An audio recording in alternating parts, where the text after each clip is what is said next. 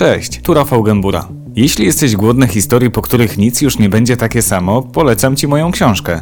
Zajrzyj na oczy.altenberg.pl i zamów swój egzemplarz. Tymczasem zapraszam na wywiad. Kilka miesięcy temu jedna z Twoich pacjentek e, zamieściła na Facebooku wpis, e, w którym opisała swoją wizytę. No i mówiąc tak najogólniej i też delikatnie, to była relacja, która nie stawiała Ciebie w najlepszym świetle.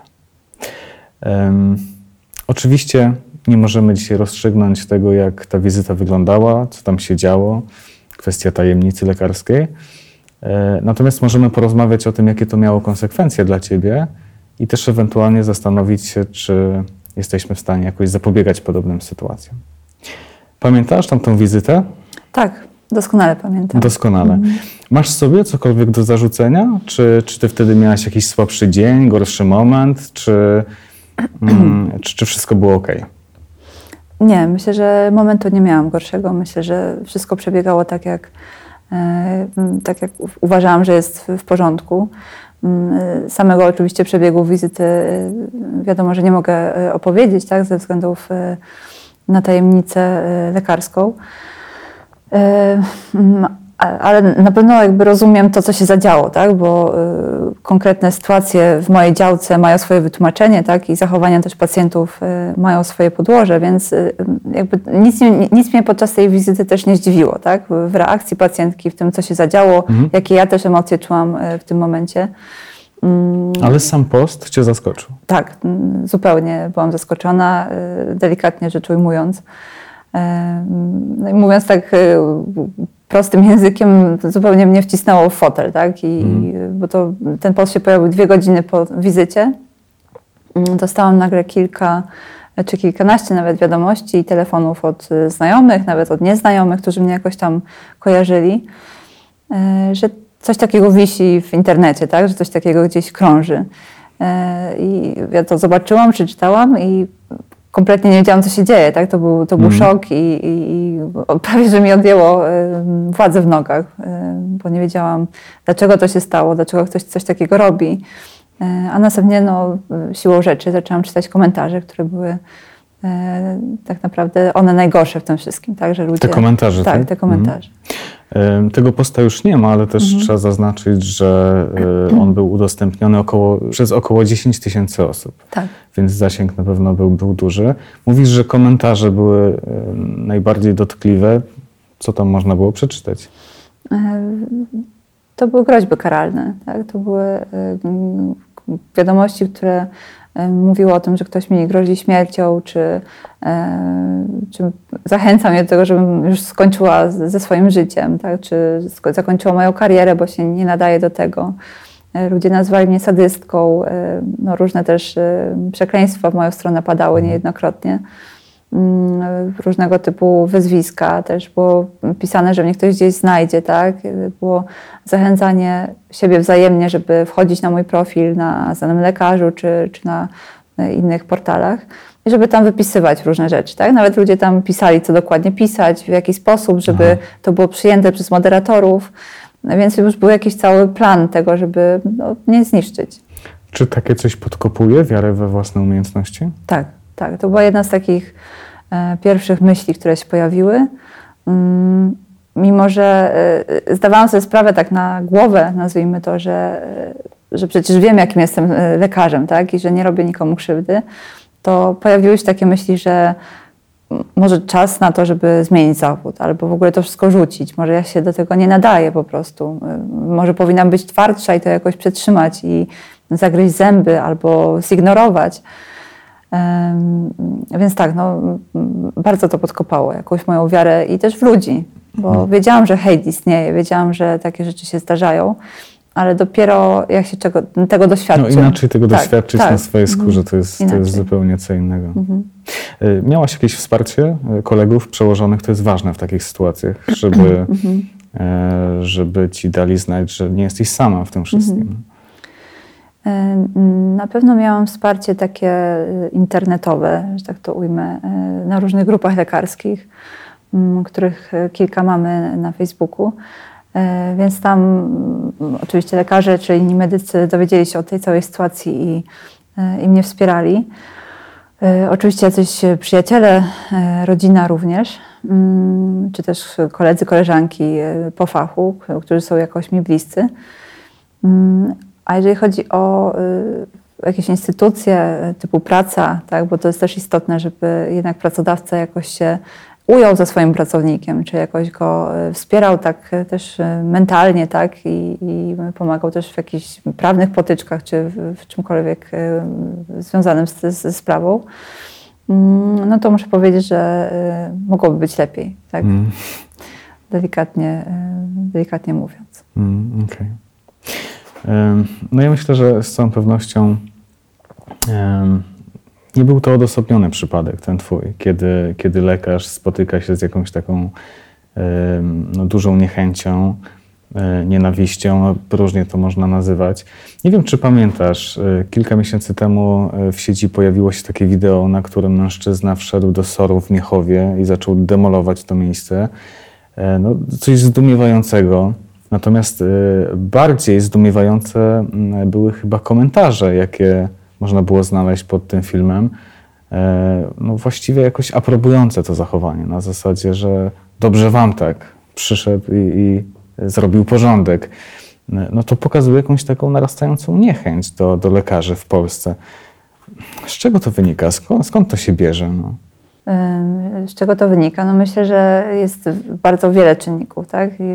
Jednym z takich czynników może być pewnego rodzaju jakaś zawiść, taka ludzka, czysto, tak? po prostu, że mm, ludzie e, widzą na przykład, nie wiem, lekarza, który jeździ jakimś lepszym autem, albo e, widzą e, różne informacje w mediach, ile lekarz zarabia, chociaż to mhm. nie zawsze jest zgodne w ogóle z prawdą ale już sobie wyrabiały jakąś teorię na temat lekarzy, tak? że pewnie łapówki, albo że nic nie robią, a tyle zarabiają. Tak? No, przeciętny Kowalski tak może sobie mm, pomyśleć. Okay. I nie drąży tematu, nie zastanawia się, dlaczego ten lekarz y, rzeczywiście ma jakieś, nie wiem, lepsze auto. Mhm. Nie myśli o tym, że na przykład ta dana osoba uczyła się 12-15 lat po to, żeby zostać specjalistą, bo tak wygląda nasza ścieżka zawodowa i jest, myślę, że jedną z najdłuższych, jak nie najdłuższą. Mm. Okej, okay, czyli jakieś takie zjawisko tak. E, społecznej zawiści. Tak, powiedz. społecznej zawiści. E, myślę, że inną kwestią jest też e, to, że my też jako medycy nie pozostajemy zawsze bez winy. I to nie jest tak, że ja uważam, że nagle wszyscy lekarze są święci i idealni w swoich zachowaniach, bo mamy też no, różnych lekarzy, tak jak w każdym zawodzie mamy też różnych ludzi, tak? Po prostu jest to przekrój przeróżnych osobowości. E, czasami też ktoś ma po prostu gorszy dzień, gorzej się zachowa. Różne są sytuacje, wiadomo. E, więc ludzie też miewają no, niezbyt dobre doświadczenia na swoich mhm. wizytach lekarskich. No to chyba nie jest takie rzadkie. Jak tak, się myślę, tak że, czyta tak. różne wpisy, komentarze, to, to mm. chyba całkiem często tak jest. Nie znam statystyk, tak, ale myślę, że tak, że są takie, są takie doświadczenia u ludzi. No i to jest pytanie, z czego to wynika? Czy, mhm. czy wy jesteście jakąś taką grupą społeczną e, pozbawioną empatii, czy być może e, no po prostu ta praca was mhm. pozbawia empatii, mhm. czy być może to system, w jakim funkcjonujecie, mhm. sprawia, że e, na tę empatię jest nie za wiele miejsca. Mhm. Jak uważasz?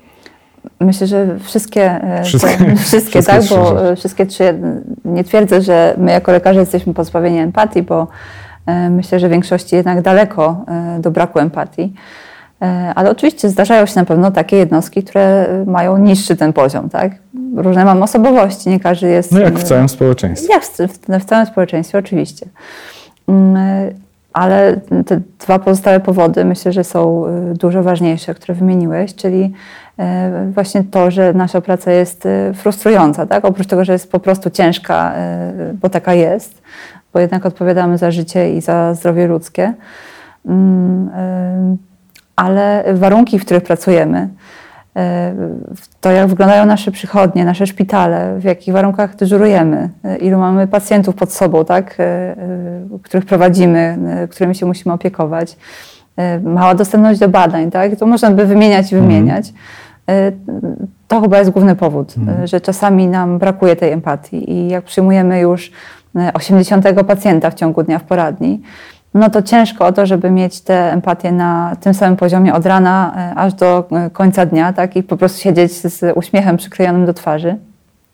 Trudno też mieć tę empatię i takie podejście do pacjenta, jakbyśmy chcieli, jeżeli mamy na NFZ 10 minut na pacjenta, tak? Bo to trzeba na wizytę, tak? Tak, na wizytę 10-15 minut. Ja mam 15 mhm. ze względu na to, że jestem psychiatrą, więc to jest 15 minut. Y, a muszę wprowadzić pacjenta do systemu, muszę go opisać w tym systemie, muszę mu wystawić receptę w systemie, y, napisać y, wywiad lekarski, tak? który no, musi być obszerny, żeby było wiadomo, z czym pacjent się w ogóle zgłasza. Mhm. Mm, a w międzyczasie dobrze by było jeszcze, żebym z tym pacjentem w ogóle jakikolwiek kontakt złapała, żebym mu zadała jakieś pytania, no, żebym na niego popatrzyła, dobrze uśmiechnęła. By dobrze by było, tak. Ja byłem jakiś czas temu właśnie e, u lekarza na, na NFZ. E, no i właściwie nie mam zastrzeżeń. Mhm. Pani była miła. E, wydaje się, że kompetentna, pomogła mi, to najważniejsze. Natomiast nie zmienia to faktu, że większość wizyty no, to była wgapiona w komputer. E, I ja właściwie tak sobie siedziałem, patrząc trochę w ścianę, trochę w sufit, też nie wiedząc, czemu tak to wygląda. Czemu tak to wygląda? No, takie są też e, obostrzenia nałożone przez NFZ, tak, że mamy jak najwięcej pacjentów przyjąć w jak najkrótszym czasie. Mm, to jest e, no, chyba jedną z takich cięższych rzeczy, tak, które, z którymi się borykamy jako lekarze. E, bo czasem, no, to była nawet sytuacja z, z bodajże zeszłego wtorku, jak przyjmowałam w poradni mm, i miałam tylu pacjentów, że może raz mi się udało wyjść do toalety w ciągu nie wiem, 7 godzin. O jedzeniu raczej nie było mowy, gdzieś tam się napiłam jogurtu, który akurat miałam w torebce. Mm. I raz sobie chyba herbatę zrobiłam, z tego co pamiętam. I, I, ciężko pracować w takich warunkach. Wiesz co? E, myślałbym, że ściemniasz, że przeginasz, mhm. że, że przesadzasz, ale tak się składa, że moja teściowa jest e, lekarzem mhm. i wiem, że od wielu lat właśnie tak pracuje, że czasem nie ma tego czasu tak. na, e, na posiłek, mhm. na, na toaletę, bo kiedy wychodzi, to pacjenci już tak się niecierpliwią, że czemu właściwie ta pani mhm. wychodzi z gabinetu. Nie? Tak, to jest bardzo częste i tak jak rozmawiam też z kolegami, z koleżankami, Mm, no to czasami jest taki lęk, żeby w ogóle wyjść do tej toalety, bo siedzi sznurek pacjentów e, mhm. pod gabinetem. E, no i mierzą wzrokiem tego lekarza, tak, który Gdzie ma, ta pani sobie chodzi? Gdzie ta pani sobie chodzi? Pewnie gdzieś na kawkę, pewnie na herbatkę, tak, czy mhm. tam jakieś ciasteczka. E, I kompletnie nie pomyślał, że przecież lekarz też musi iść do toalety, tak, i no, nie mamy jej w środku, więc musimy wyjść i skorzystać. Czy czasami by wypadało też się czegoś napić, czy coś zjeść.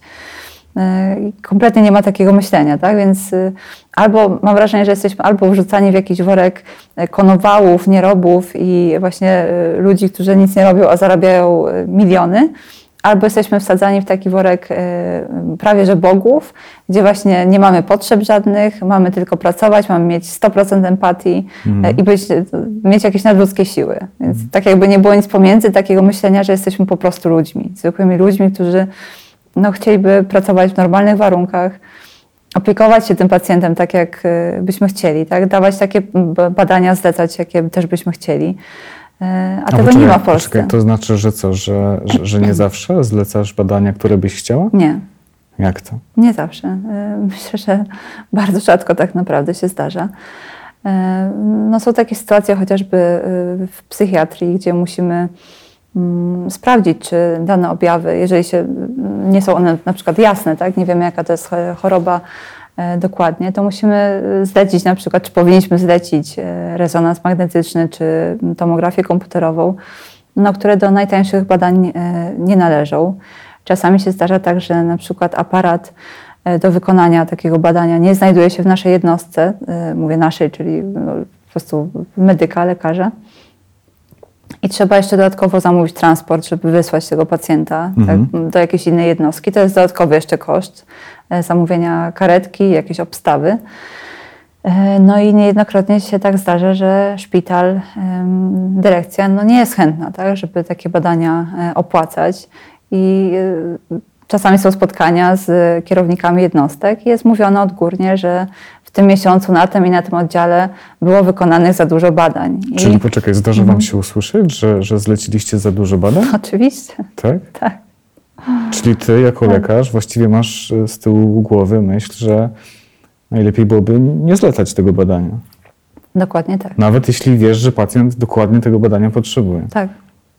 No to to jest jakieś szaleństwo. No jest, jest to szalone i y, jednak większość z nas y, mimo wszystko te badania zleca i liczymy się z tym, że y, no, możemy otrzymać jakieś polecenie służbowe w niedługim czasie albo jakąś krytykę, tak? gdzieś tam mniej lub bardziej wprost dostać mm, od, od jakichś odgórnych poziomów szpitala czy przychodni.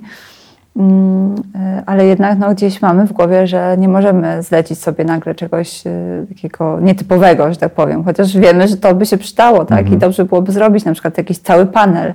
To nie wygląda tak jak w, w doktorze Hausie, że mm, po prostu od A do Z wszystkie badania można Pełna zlecić. diagnostyka. Pełna diagnostyka, wszystkie badania, wszystko widzimy. Tylko y, bardzo wiele y, tak naprawdę zależy od tego, jaką mamy wiedzę. Y, To jest jak praca detektywistyczna momentami, tak? że mamy mało danych, a musimy jakoś y, bazować na tym, co jest nam jakoś znane i, i odkryć, jak jest, jaka jest przyczyna choroby, tak? Jakie leczenie podać. No to mając na uwadze to, co powiedziałaś w tym momencie, kiedy myślę sobie o tym, że lekarz ma te 10 minut czy 15 na pacjenta, no to ja nie wiem, czy to w ogóle jest możliwe, żeby leczyć skutecznie. No. Czy to nie jest takie odhaczenie i następne, następne? Y, Myślę, że ponieważ to już trwa od bardzo dawna w Polsce i jakoś się też do tego przyzwyczailiśmy przez te wszystkie lata, y, że trochę jesteśmy też szkoleni do tego, żeby y, w miarę skutecznie rozpoznawać daną jednostkę chorobową, czy też leczyć.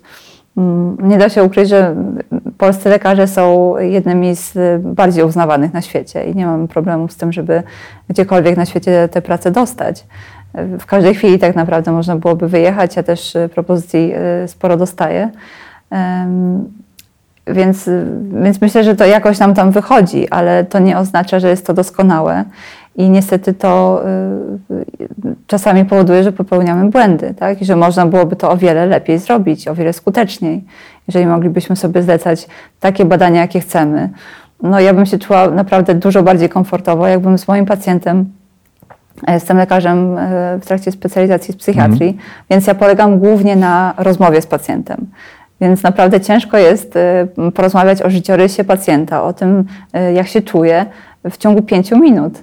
Widzę po raz pierwszy człowieka na oczy i, i mam te wszystkie informacje nagle od niego wyciągnąć, w międzyczasie klepać się w klawiaturę, uśmiechać się w międzyczasie, żeby było mu przyjemnie. No tak, przy czym też lekarze często powtarzają, że ten sam wywiad, y, y, jaki przeprowadzacie na pacjencie, też nie jest łatwą sztuką. Tak. Że, że pacjenci nie, nie o wszystkich rzeczach mówią, y, niekiedy ściemniają. Mm, Co jest trudnego w przeprowadzeniu takiego wywiadu?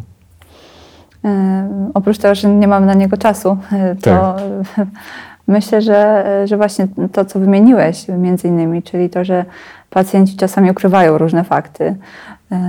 Czy jeżeli się nie dopyta pacjenta, załóżmy o spożywanie alkoholu, tak? Jeżeli mamy już wyćwiczone, przynajmniej w mojej specjalizacji, że e, pytamy też o piwo osobno, tak? Bo większość pacjentów Nie uznają nie uznaje piwa jako alkohol. Więc, więc jak zapytam o piwo, to pan na przykład mówi, czy pani, że no tak, no tam 5-6 puszek dziennie, tak, że się zdarza.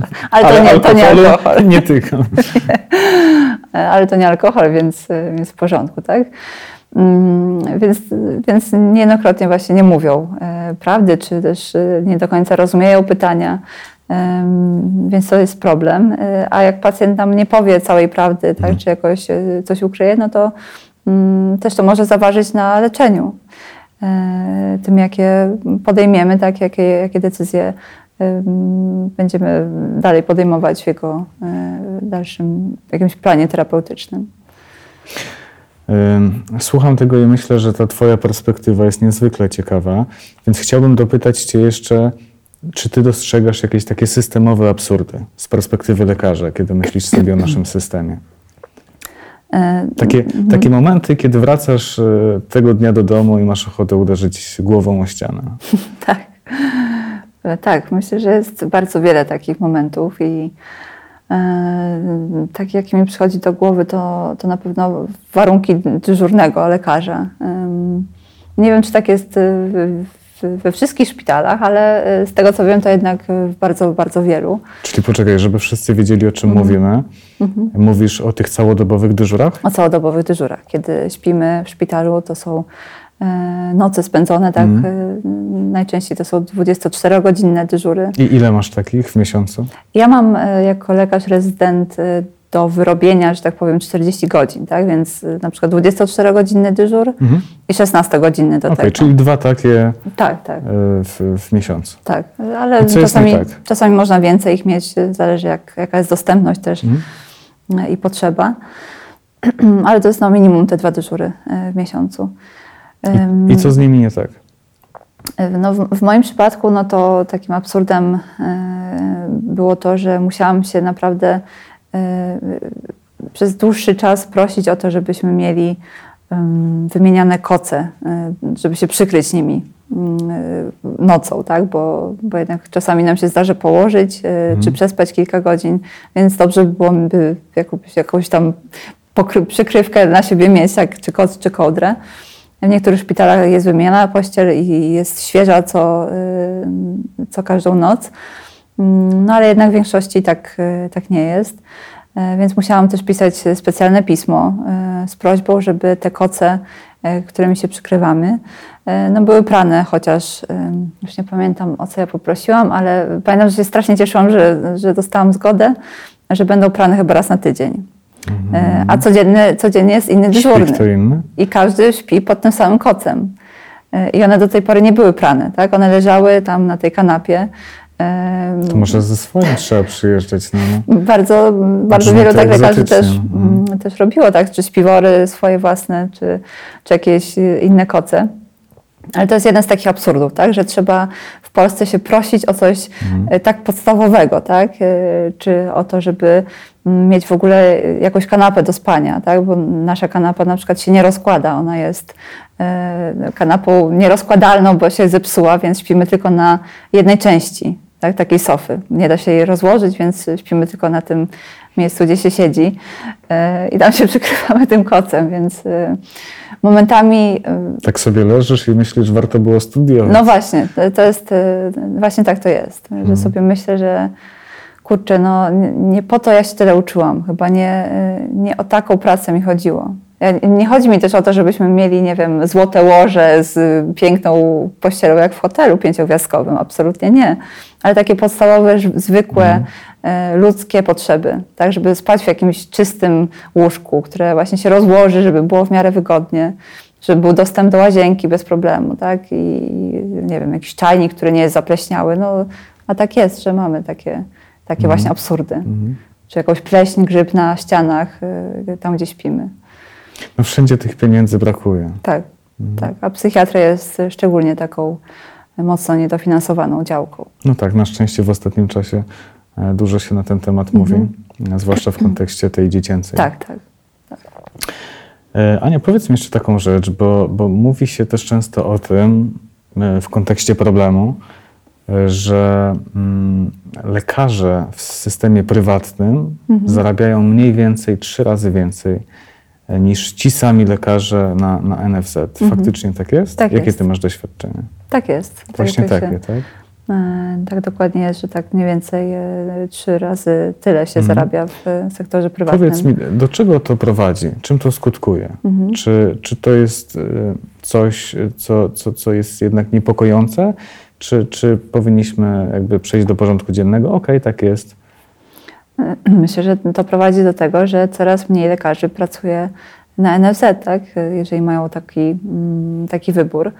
E, jeszcze jeżeli jesteśmy e, lekarzami w trakcie specjalizacji, no to e, szpital może nam mm, niejako nakazać czy poprosić, żebyśmy mm, poszli na przykład do poradni, tak? czy, czy nas jakoś zaprasza, że to jest jednak dobre miejsce do wyszkolenia się, tak? no bo pacjentów jest mnóstwo, można naprawdę wiele, wiele się nauczyć.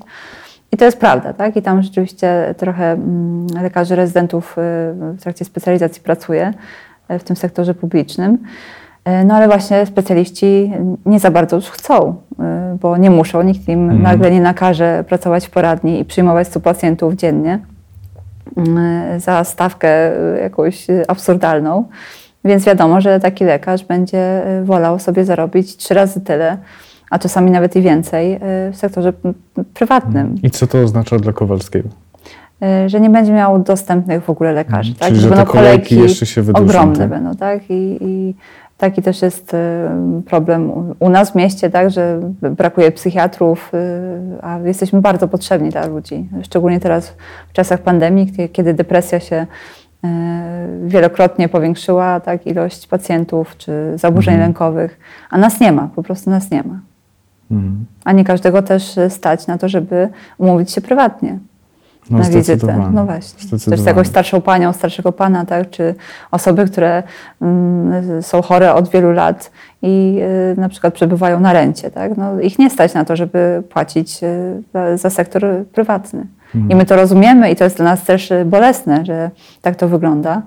Y, no ale to nie jest nasza wina, tak? bo y, to, to myślę, że należy też podkreślić, że że my ten hejt bierzemy na siebie, bo jesteśmy taką pierwszą ścianą, z którą się napotyka pacjent, a to nie na nas on powinien być kierowany.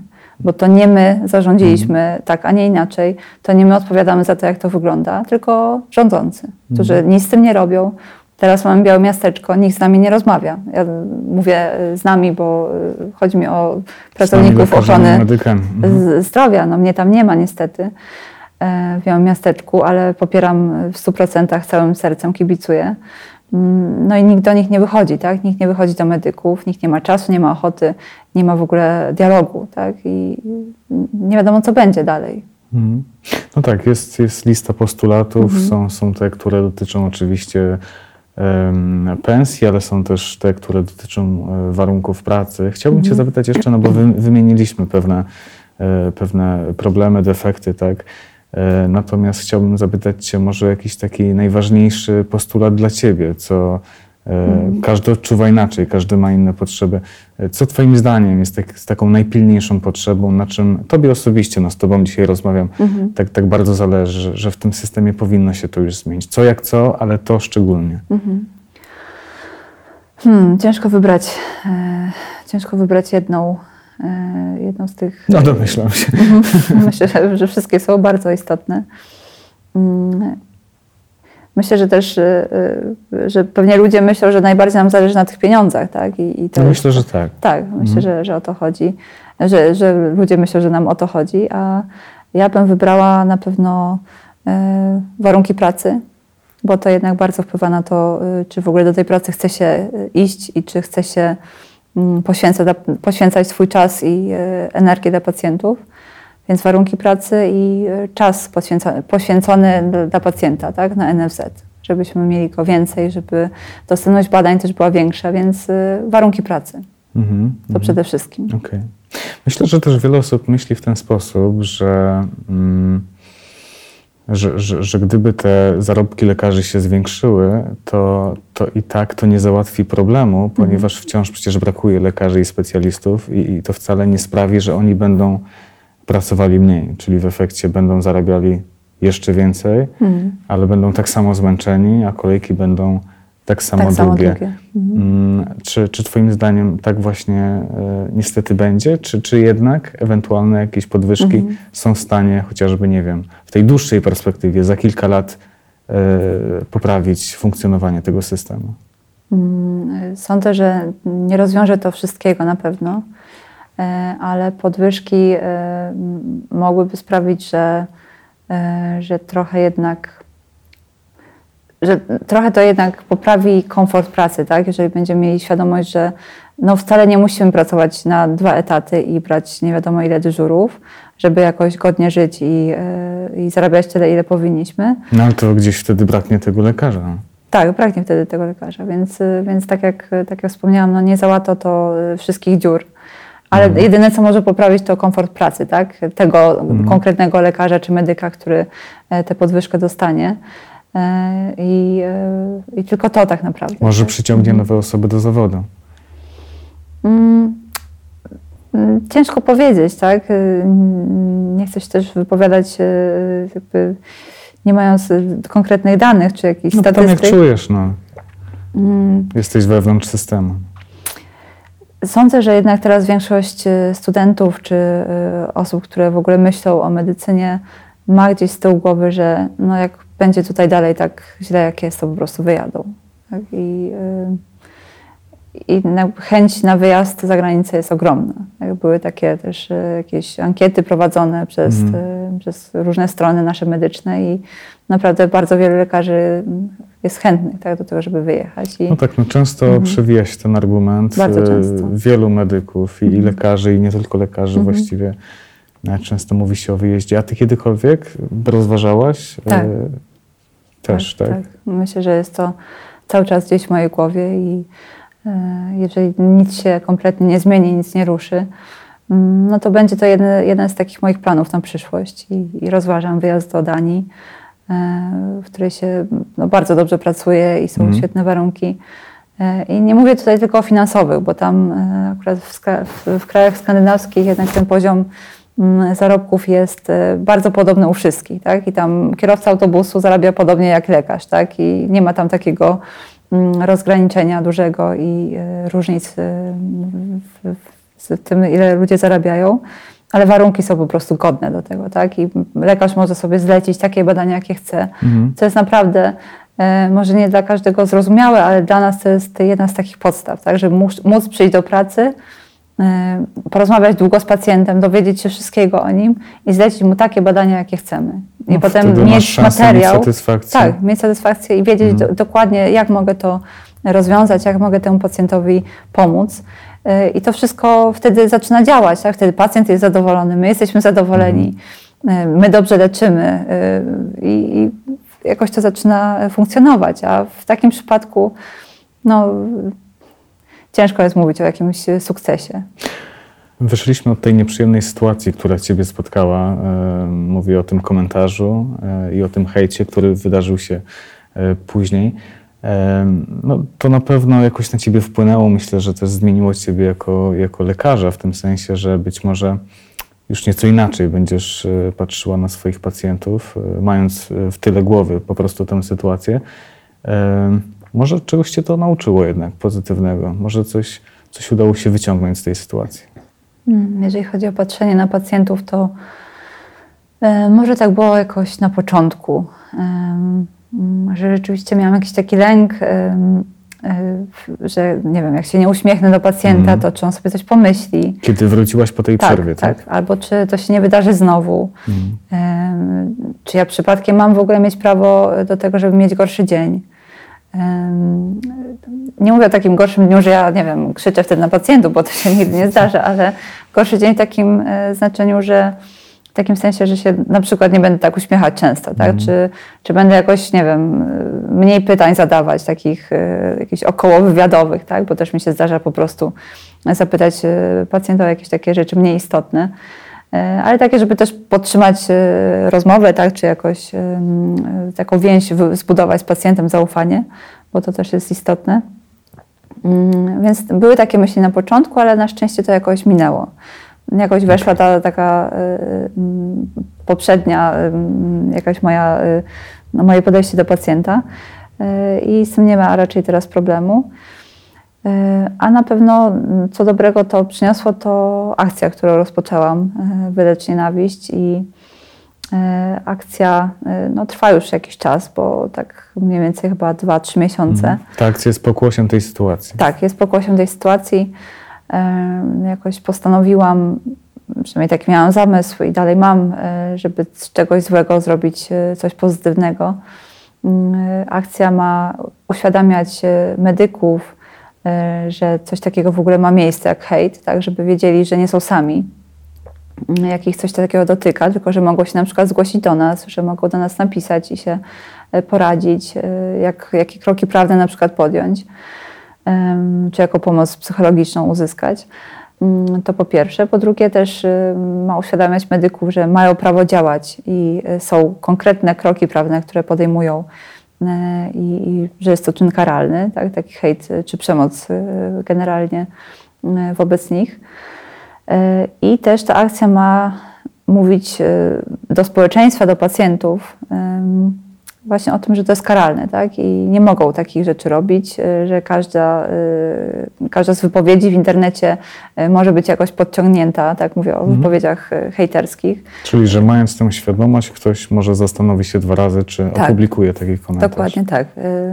Mm, A jeszcze taką ostatecznym etapem, przynajmniej na który mam nadzieję w akcji, jest to, żeby zająć się inną stroną też y, y, tego hejtu y, i reakcji y, społeczeństwa, pacjentów, czyli żeby troszkę się przyjrzeć też medykom. Nie mówię tylko o lekarzach, bo akcja jest y, skierowana też do ratowników, do pielęgniarek, do, do każdego z sektora y, medycznego mm, żeby przyjrzeć się temu, jak my się też komunikujemy z pacjentem, tak? żeby ta relacja była uleczona z obydwu stron, tak? Mhm. żebyśmy zobaczyli też, jak my na tego pacjenta patrzymy, czy mówimy do niego w trzeciej osobie, bo tak się zdarza, tak? Na przykład, No właśnie, mm, tak, że bo wiesz, e, podniesie nogę, tak? albo tam obróci głowę, tak? To, mm, Tak, jak w To- tym kabarecie. Tak, bo, bo więc- Mhm. właściwie wypunktowaliśmy te, te niedoskonałości systemu, e, ale, ale myślę, że też e, być może jest tak, że lekarze mają swoje jakieś zawodowe grzechy na sumieniu. Mhm. I, I być może też jakimś takim grzechem jest ta nieumiejętność e, w komunikacji. Tak, tak. Tak, myślę, że na pewno y, tak jest. Myślę, że to nie wynika z jakiejś y, złej woli, y, tylko tak jak każdy człowiek, mamy mniej rozwinięte lub bardziej rozwinięte jakieś zdolności takiej komunikacji z drugim człowiekiem, mniejszy lub większy poziom empatii. I czasami po prostu nawet nie mamy pojęcia, jak to może wpłynąć na tą drugą Mhm. osobę i jak ona się poczuje. I no, miałam taki pomysł, żeby stworzyć y, albo webinary, albo y, też takie mm, ćwiczenie z aktorami takich scenek, tak, żeby y, jakby medyk mógł się wcielić w postać pacjenta, Pacjenta. a aktor w postać medyka, tak, i właśnie mówić takie Mhm. rzeczy różne, tak, czy jakoś nie patrzeć na tego pacjenta, tylko tam stukać y, w komputer, Mhm. żeby też medyk zobaczył, jak się czuje y, taki pacjent, tak, No To który przychodzi chory. Może też na studiach powinny się takie zajęcia pojawić. Oczywiście. Mhm. Z tego, co słyszałam, powoli gdzieś to tam e, się zaczyna dziać, tylko jeszcze nie miałam okazji się temu przyjrzeć, e, jak bardzo i czy na wszystkich uniwersytetach tak jest. Mm, Ale no to byłaby jedna z takich ważniejszych rzeczy do zrobienia, żeby, e, żeby to był obowiązkowy nawet przedmiot, tak? Nie fakultatywny, no bo u mnie na studiach to była gdzieś tam fakultatywna jakaś e, opcja, a wiadomo, że na studiach no nie zawsze się myśli o tym, żeby jeszcze dodatkowo gdzieś iść i, i mm, spędzać popołudnie na jakichś dodatkowych zajęciach. Więc y, większość machała na to ręką i stwierdzała, że, że to nie ma sensu, już chodźmy do domu, tak, już mamy dość i tak e, nauki. Mm, A dobrze by było jednak, żeby no, chociaż jeden semestr, tak, czy kilka takich zajęć było obowiązkowych, żeby, żeby jakoś w ogóle zaznaczyć e, ten temat. Dziękuję Ci pięknie. Dziękuję. E, No i trzymam kciuki za, za poprawę jednak sytuacji i w Waszym imieniu i, i, i naszym pacjentów. Dziękuję bardzo.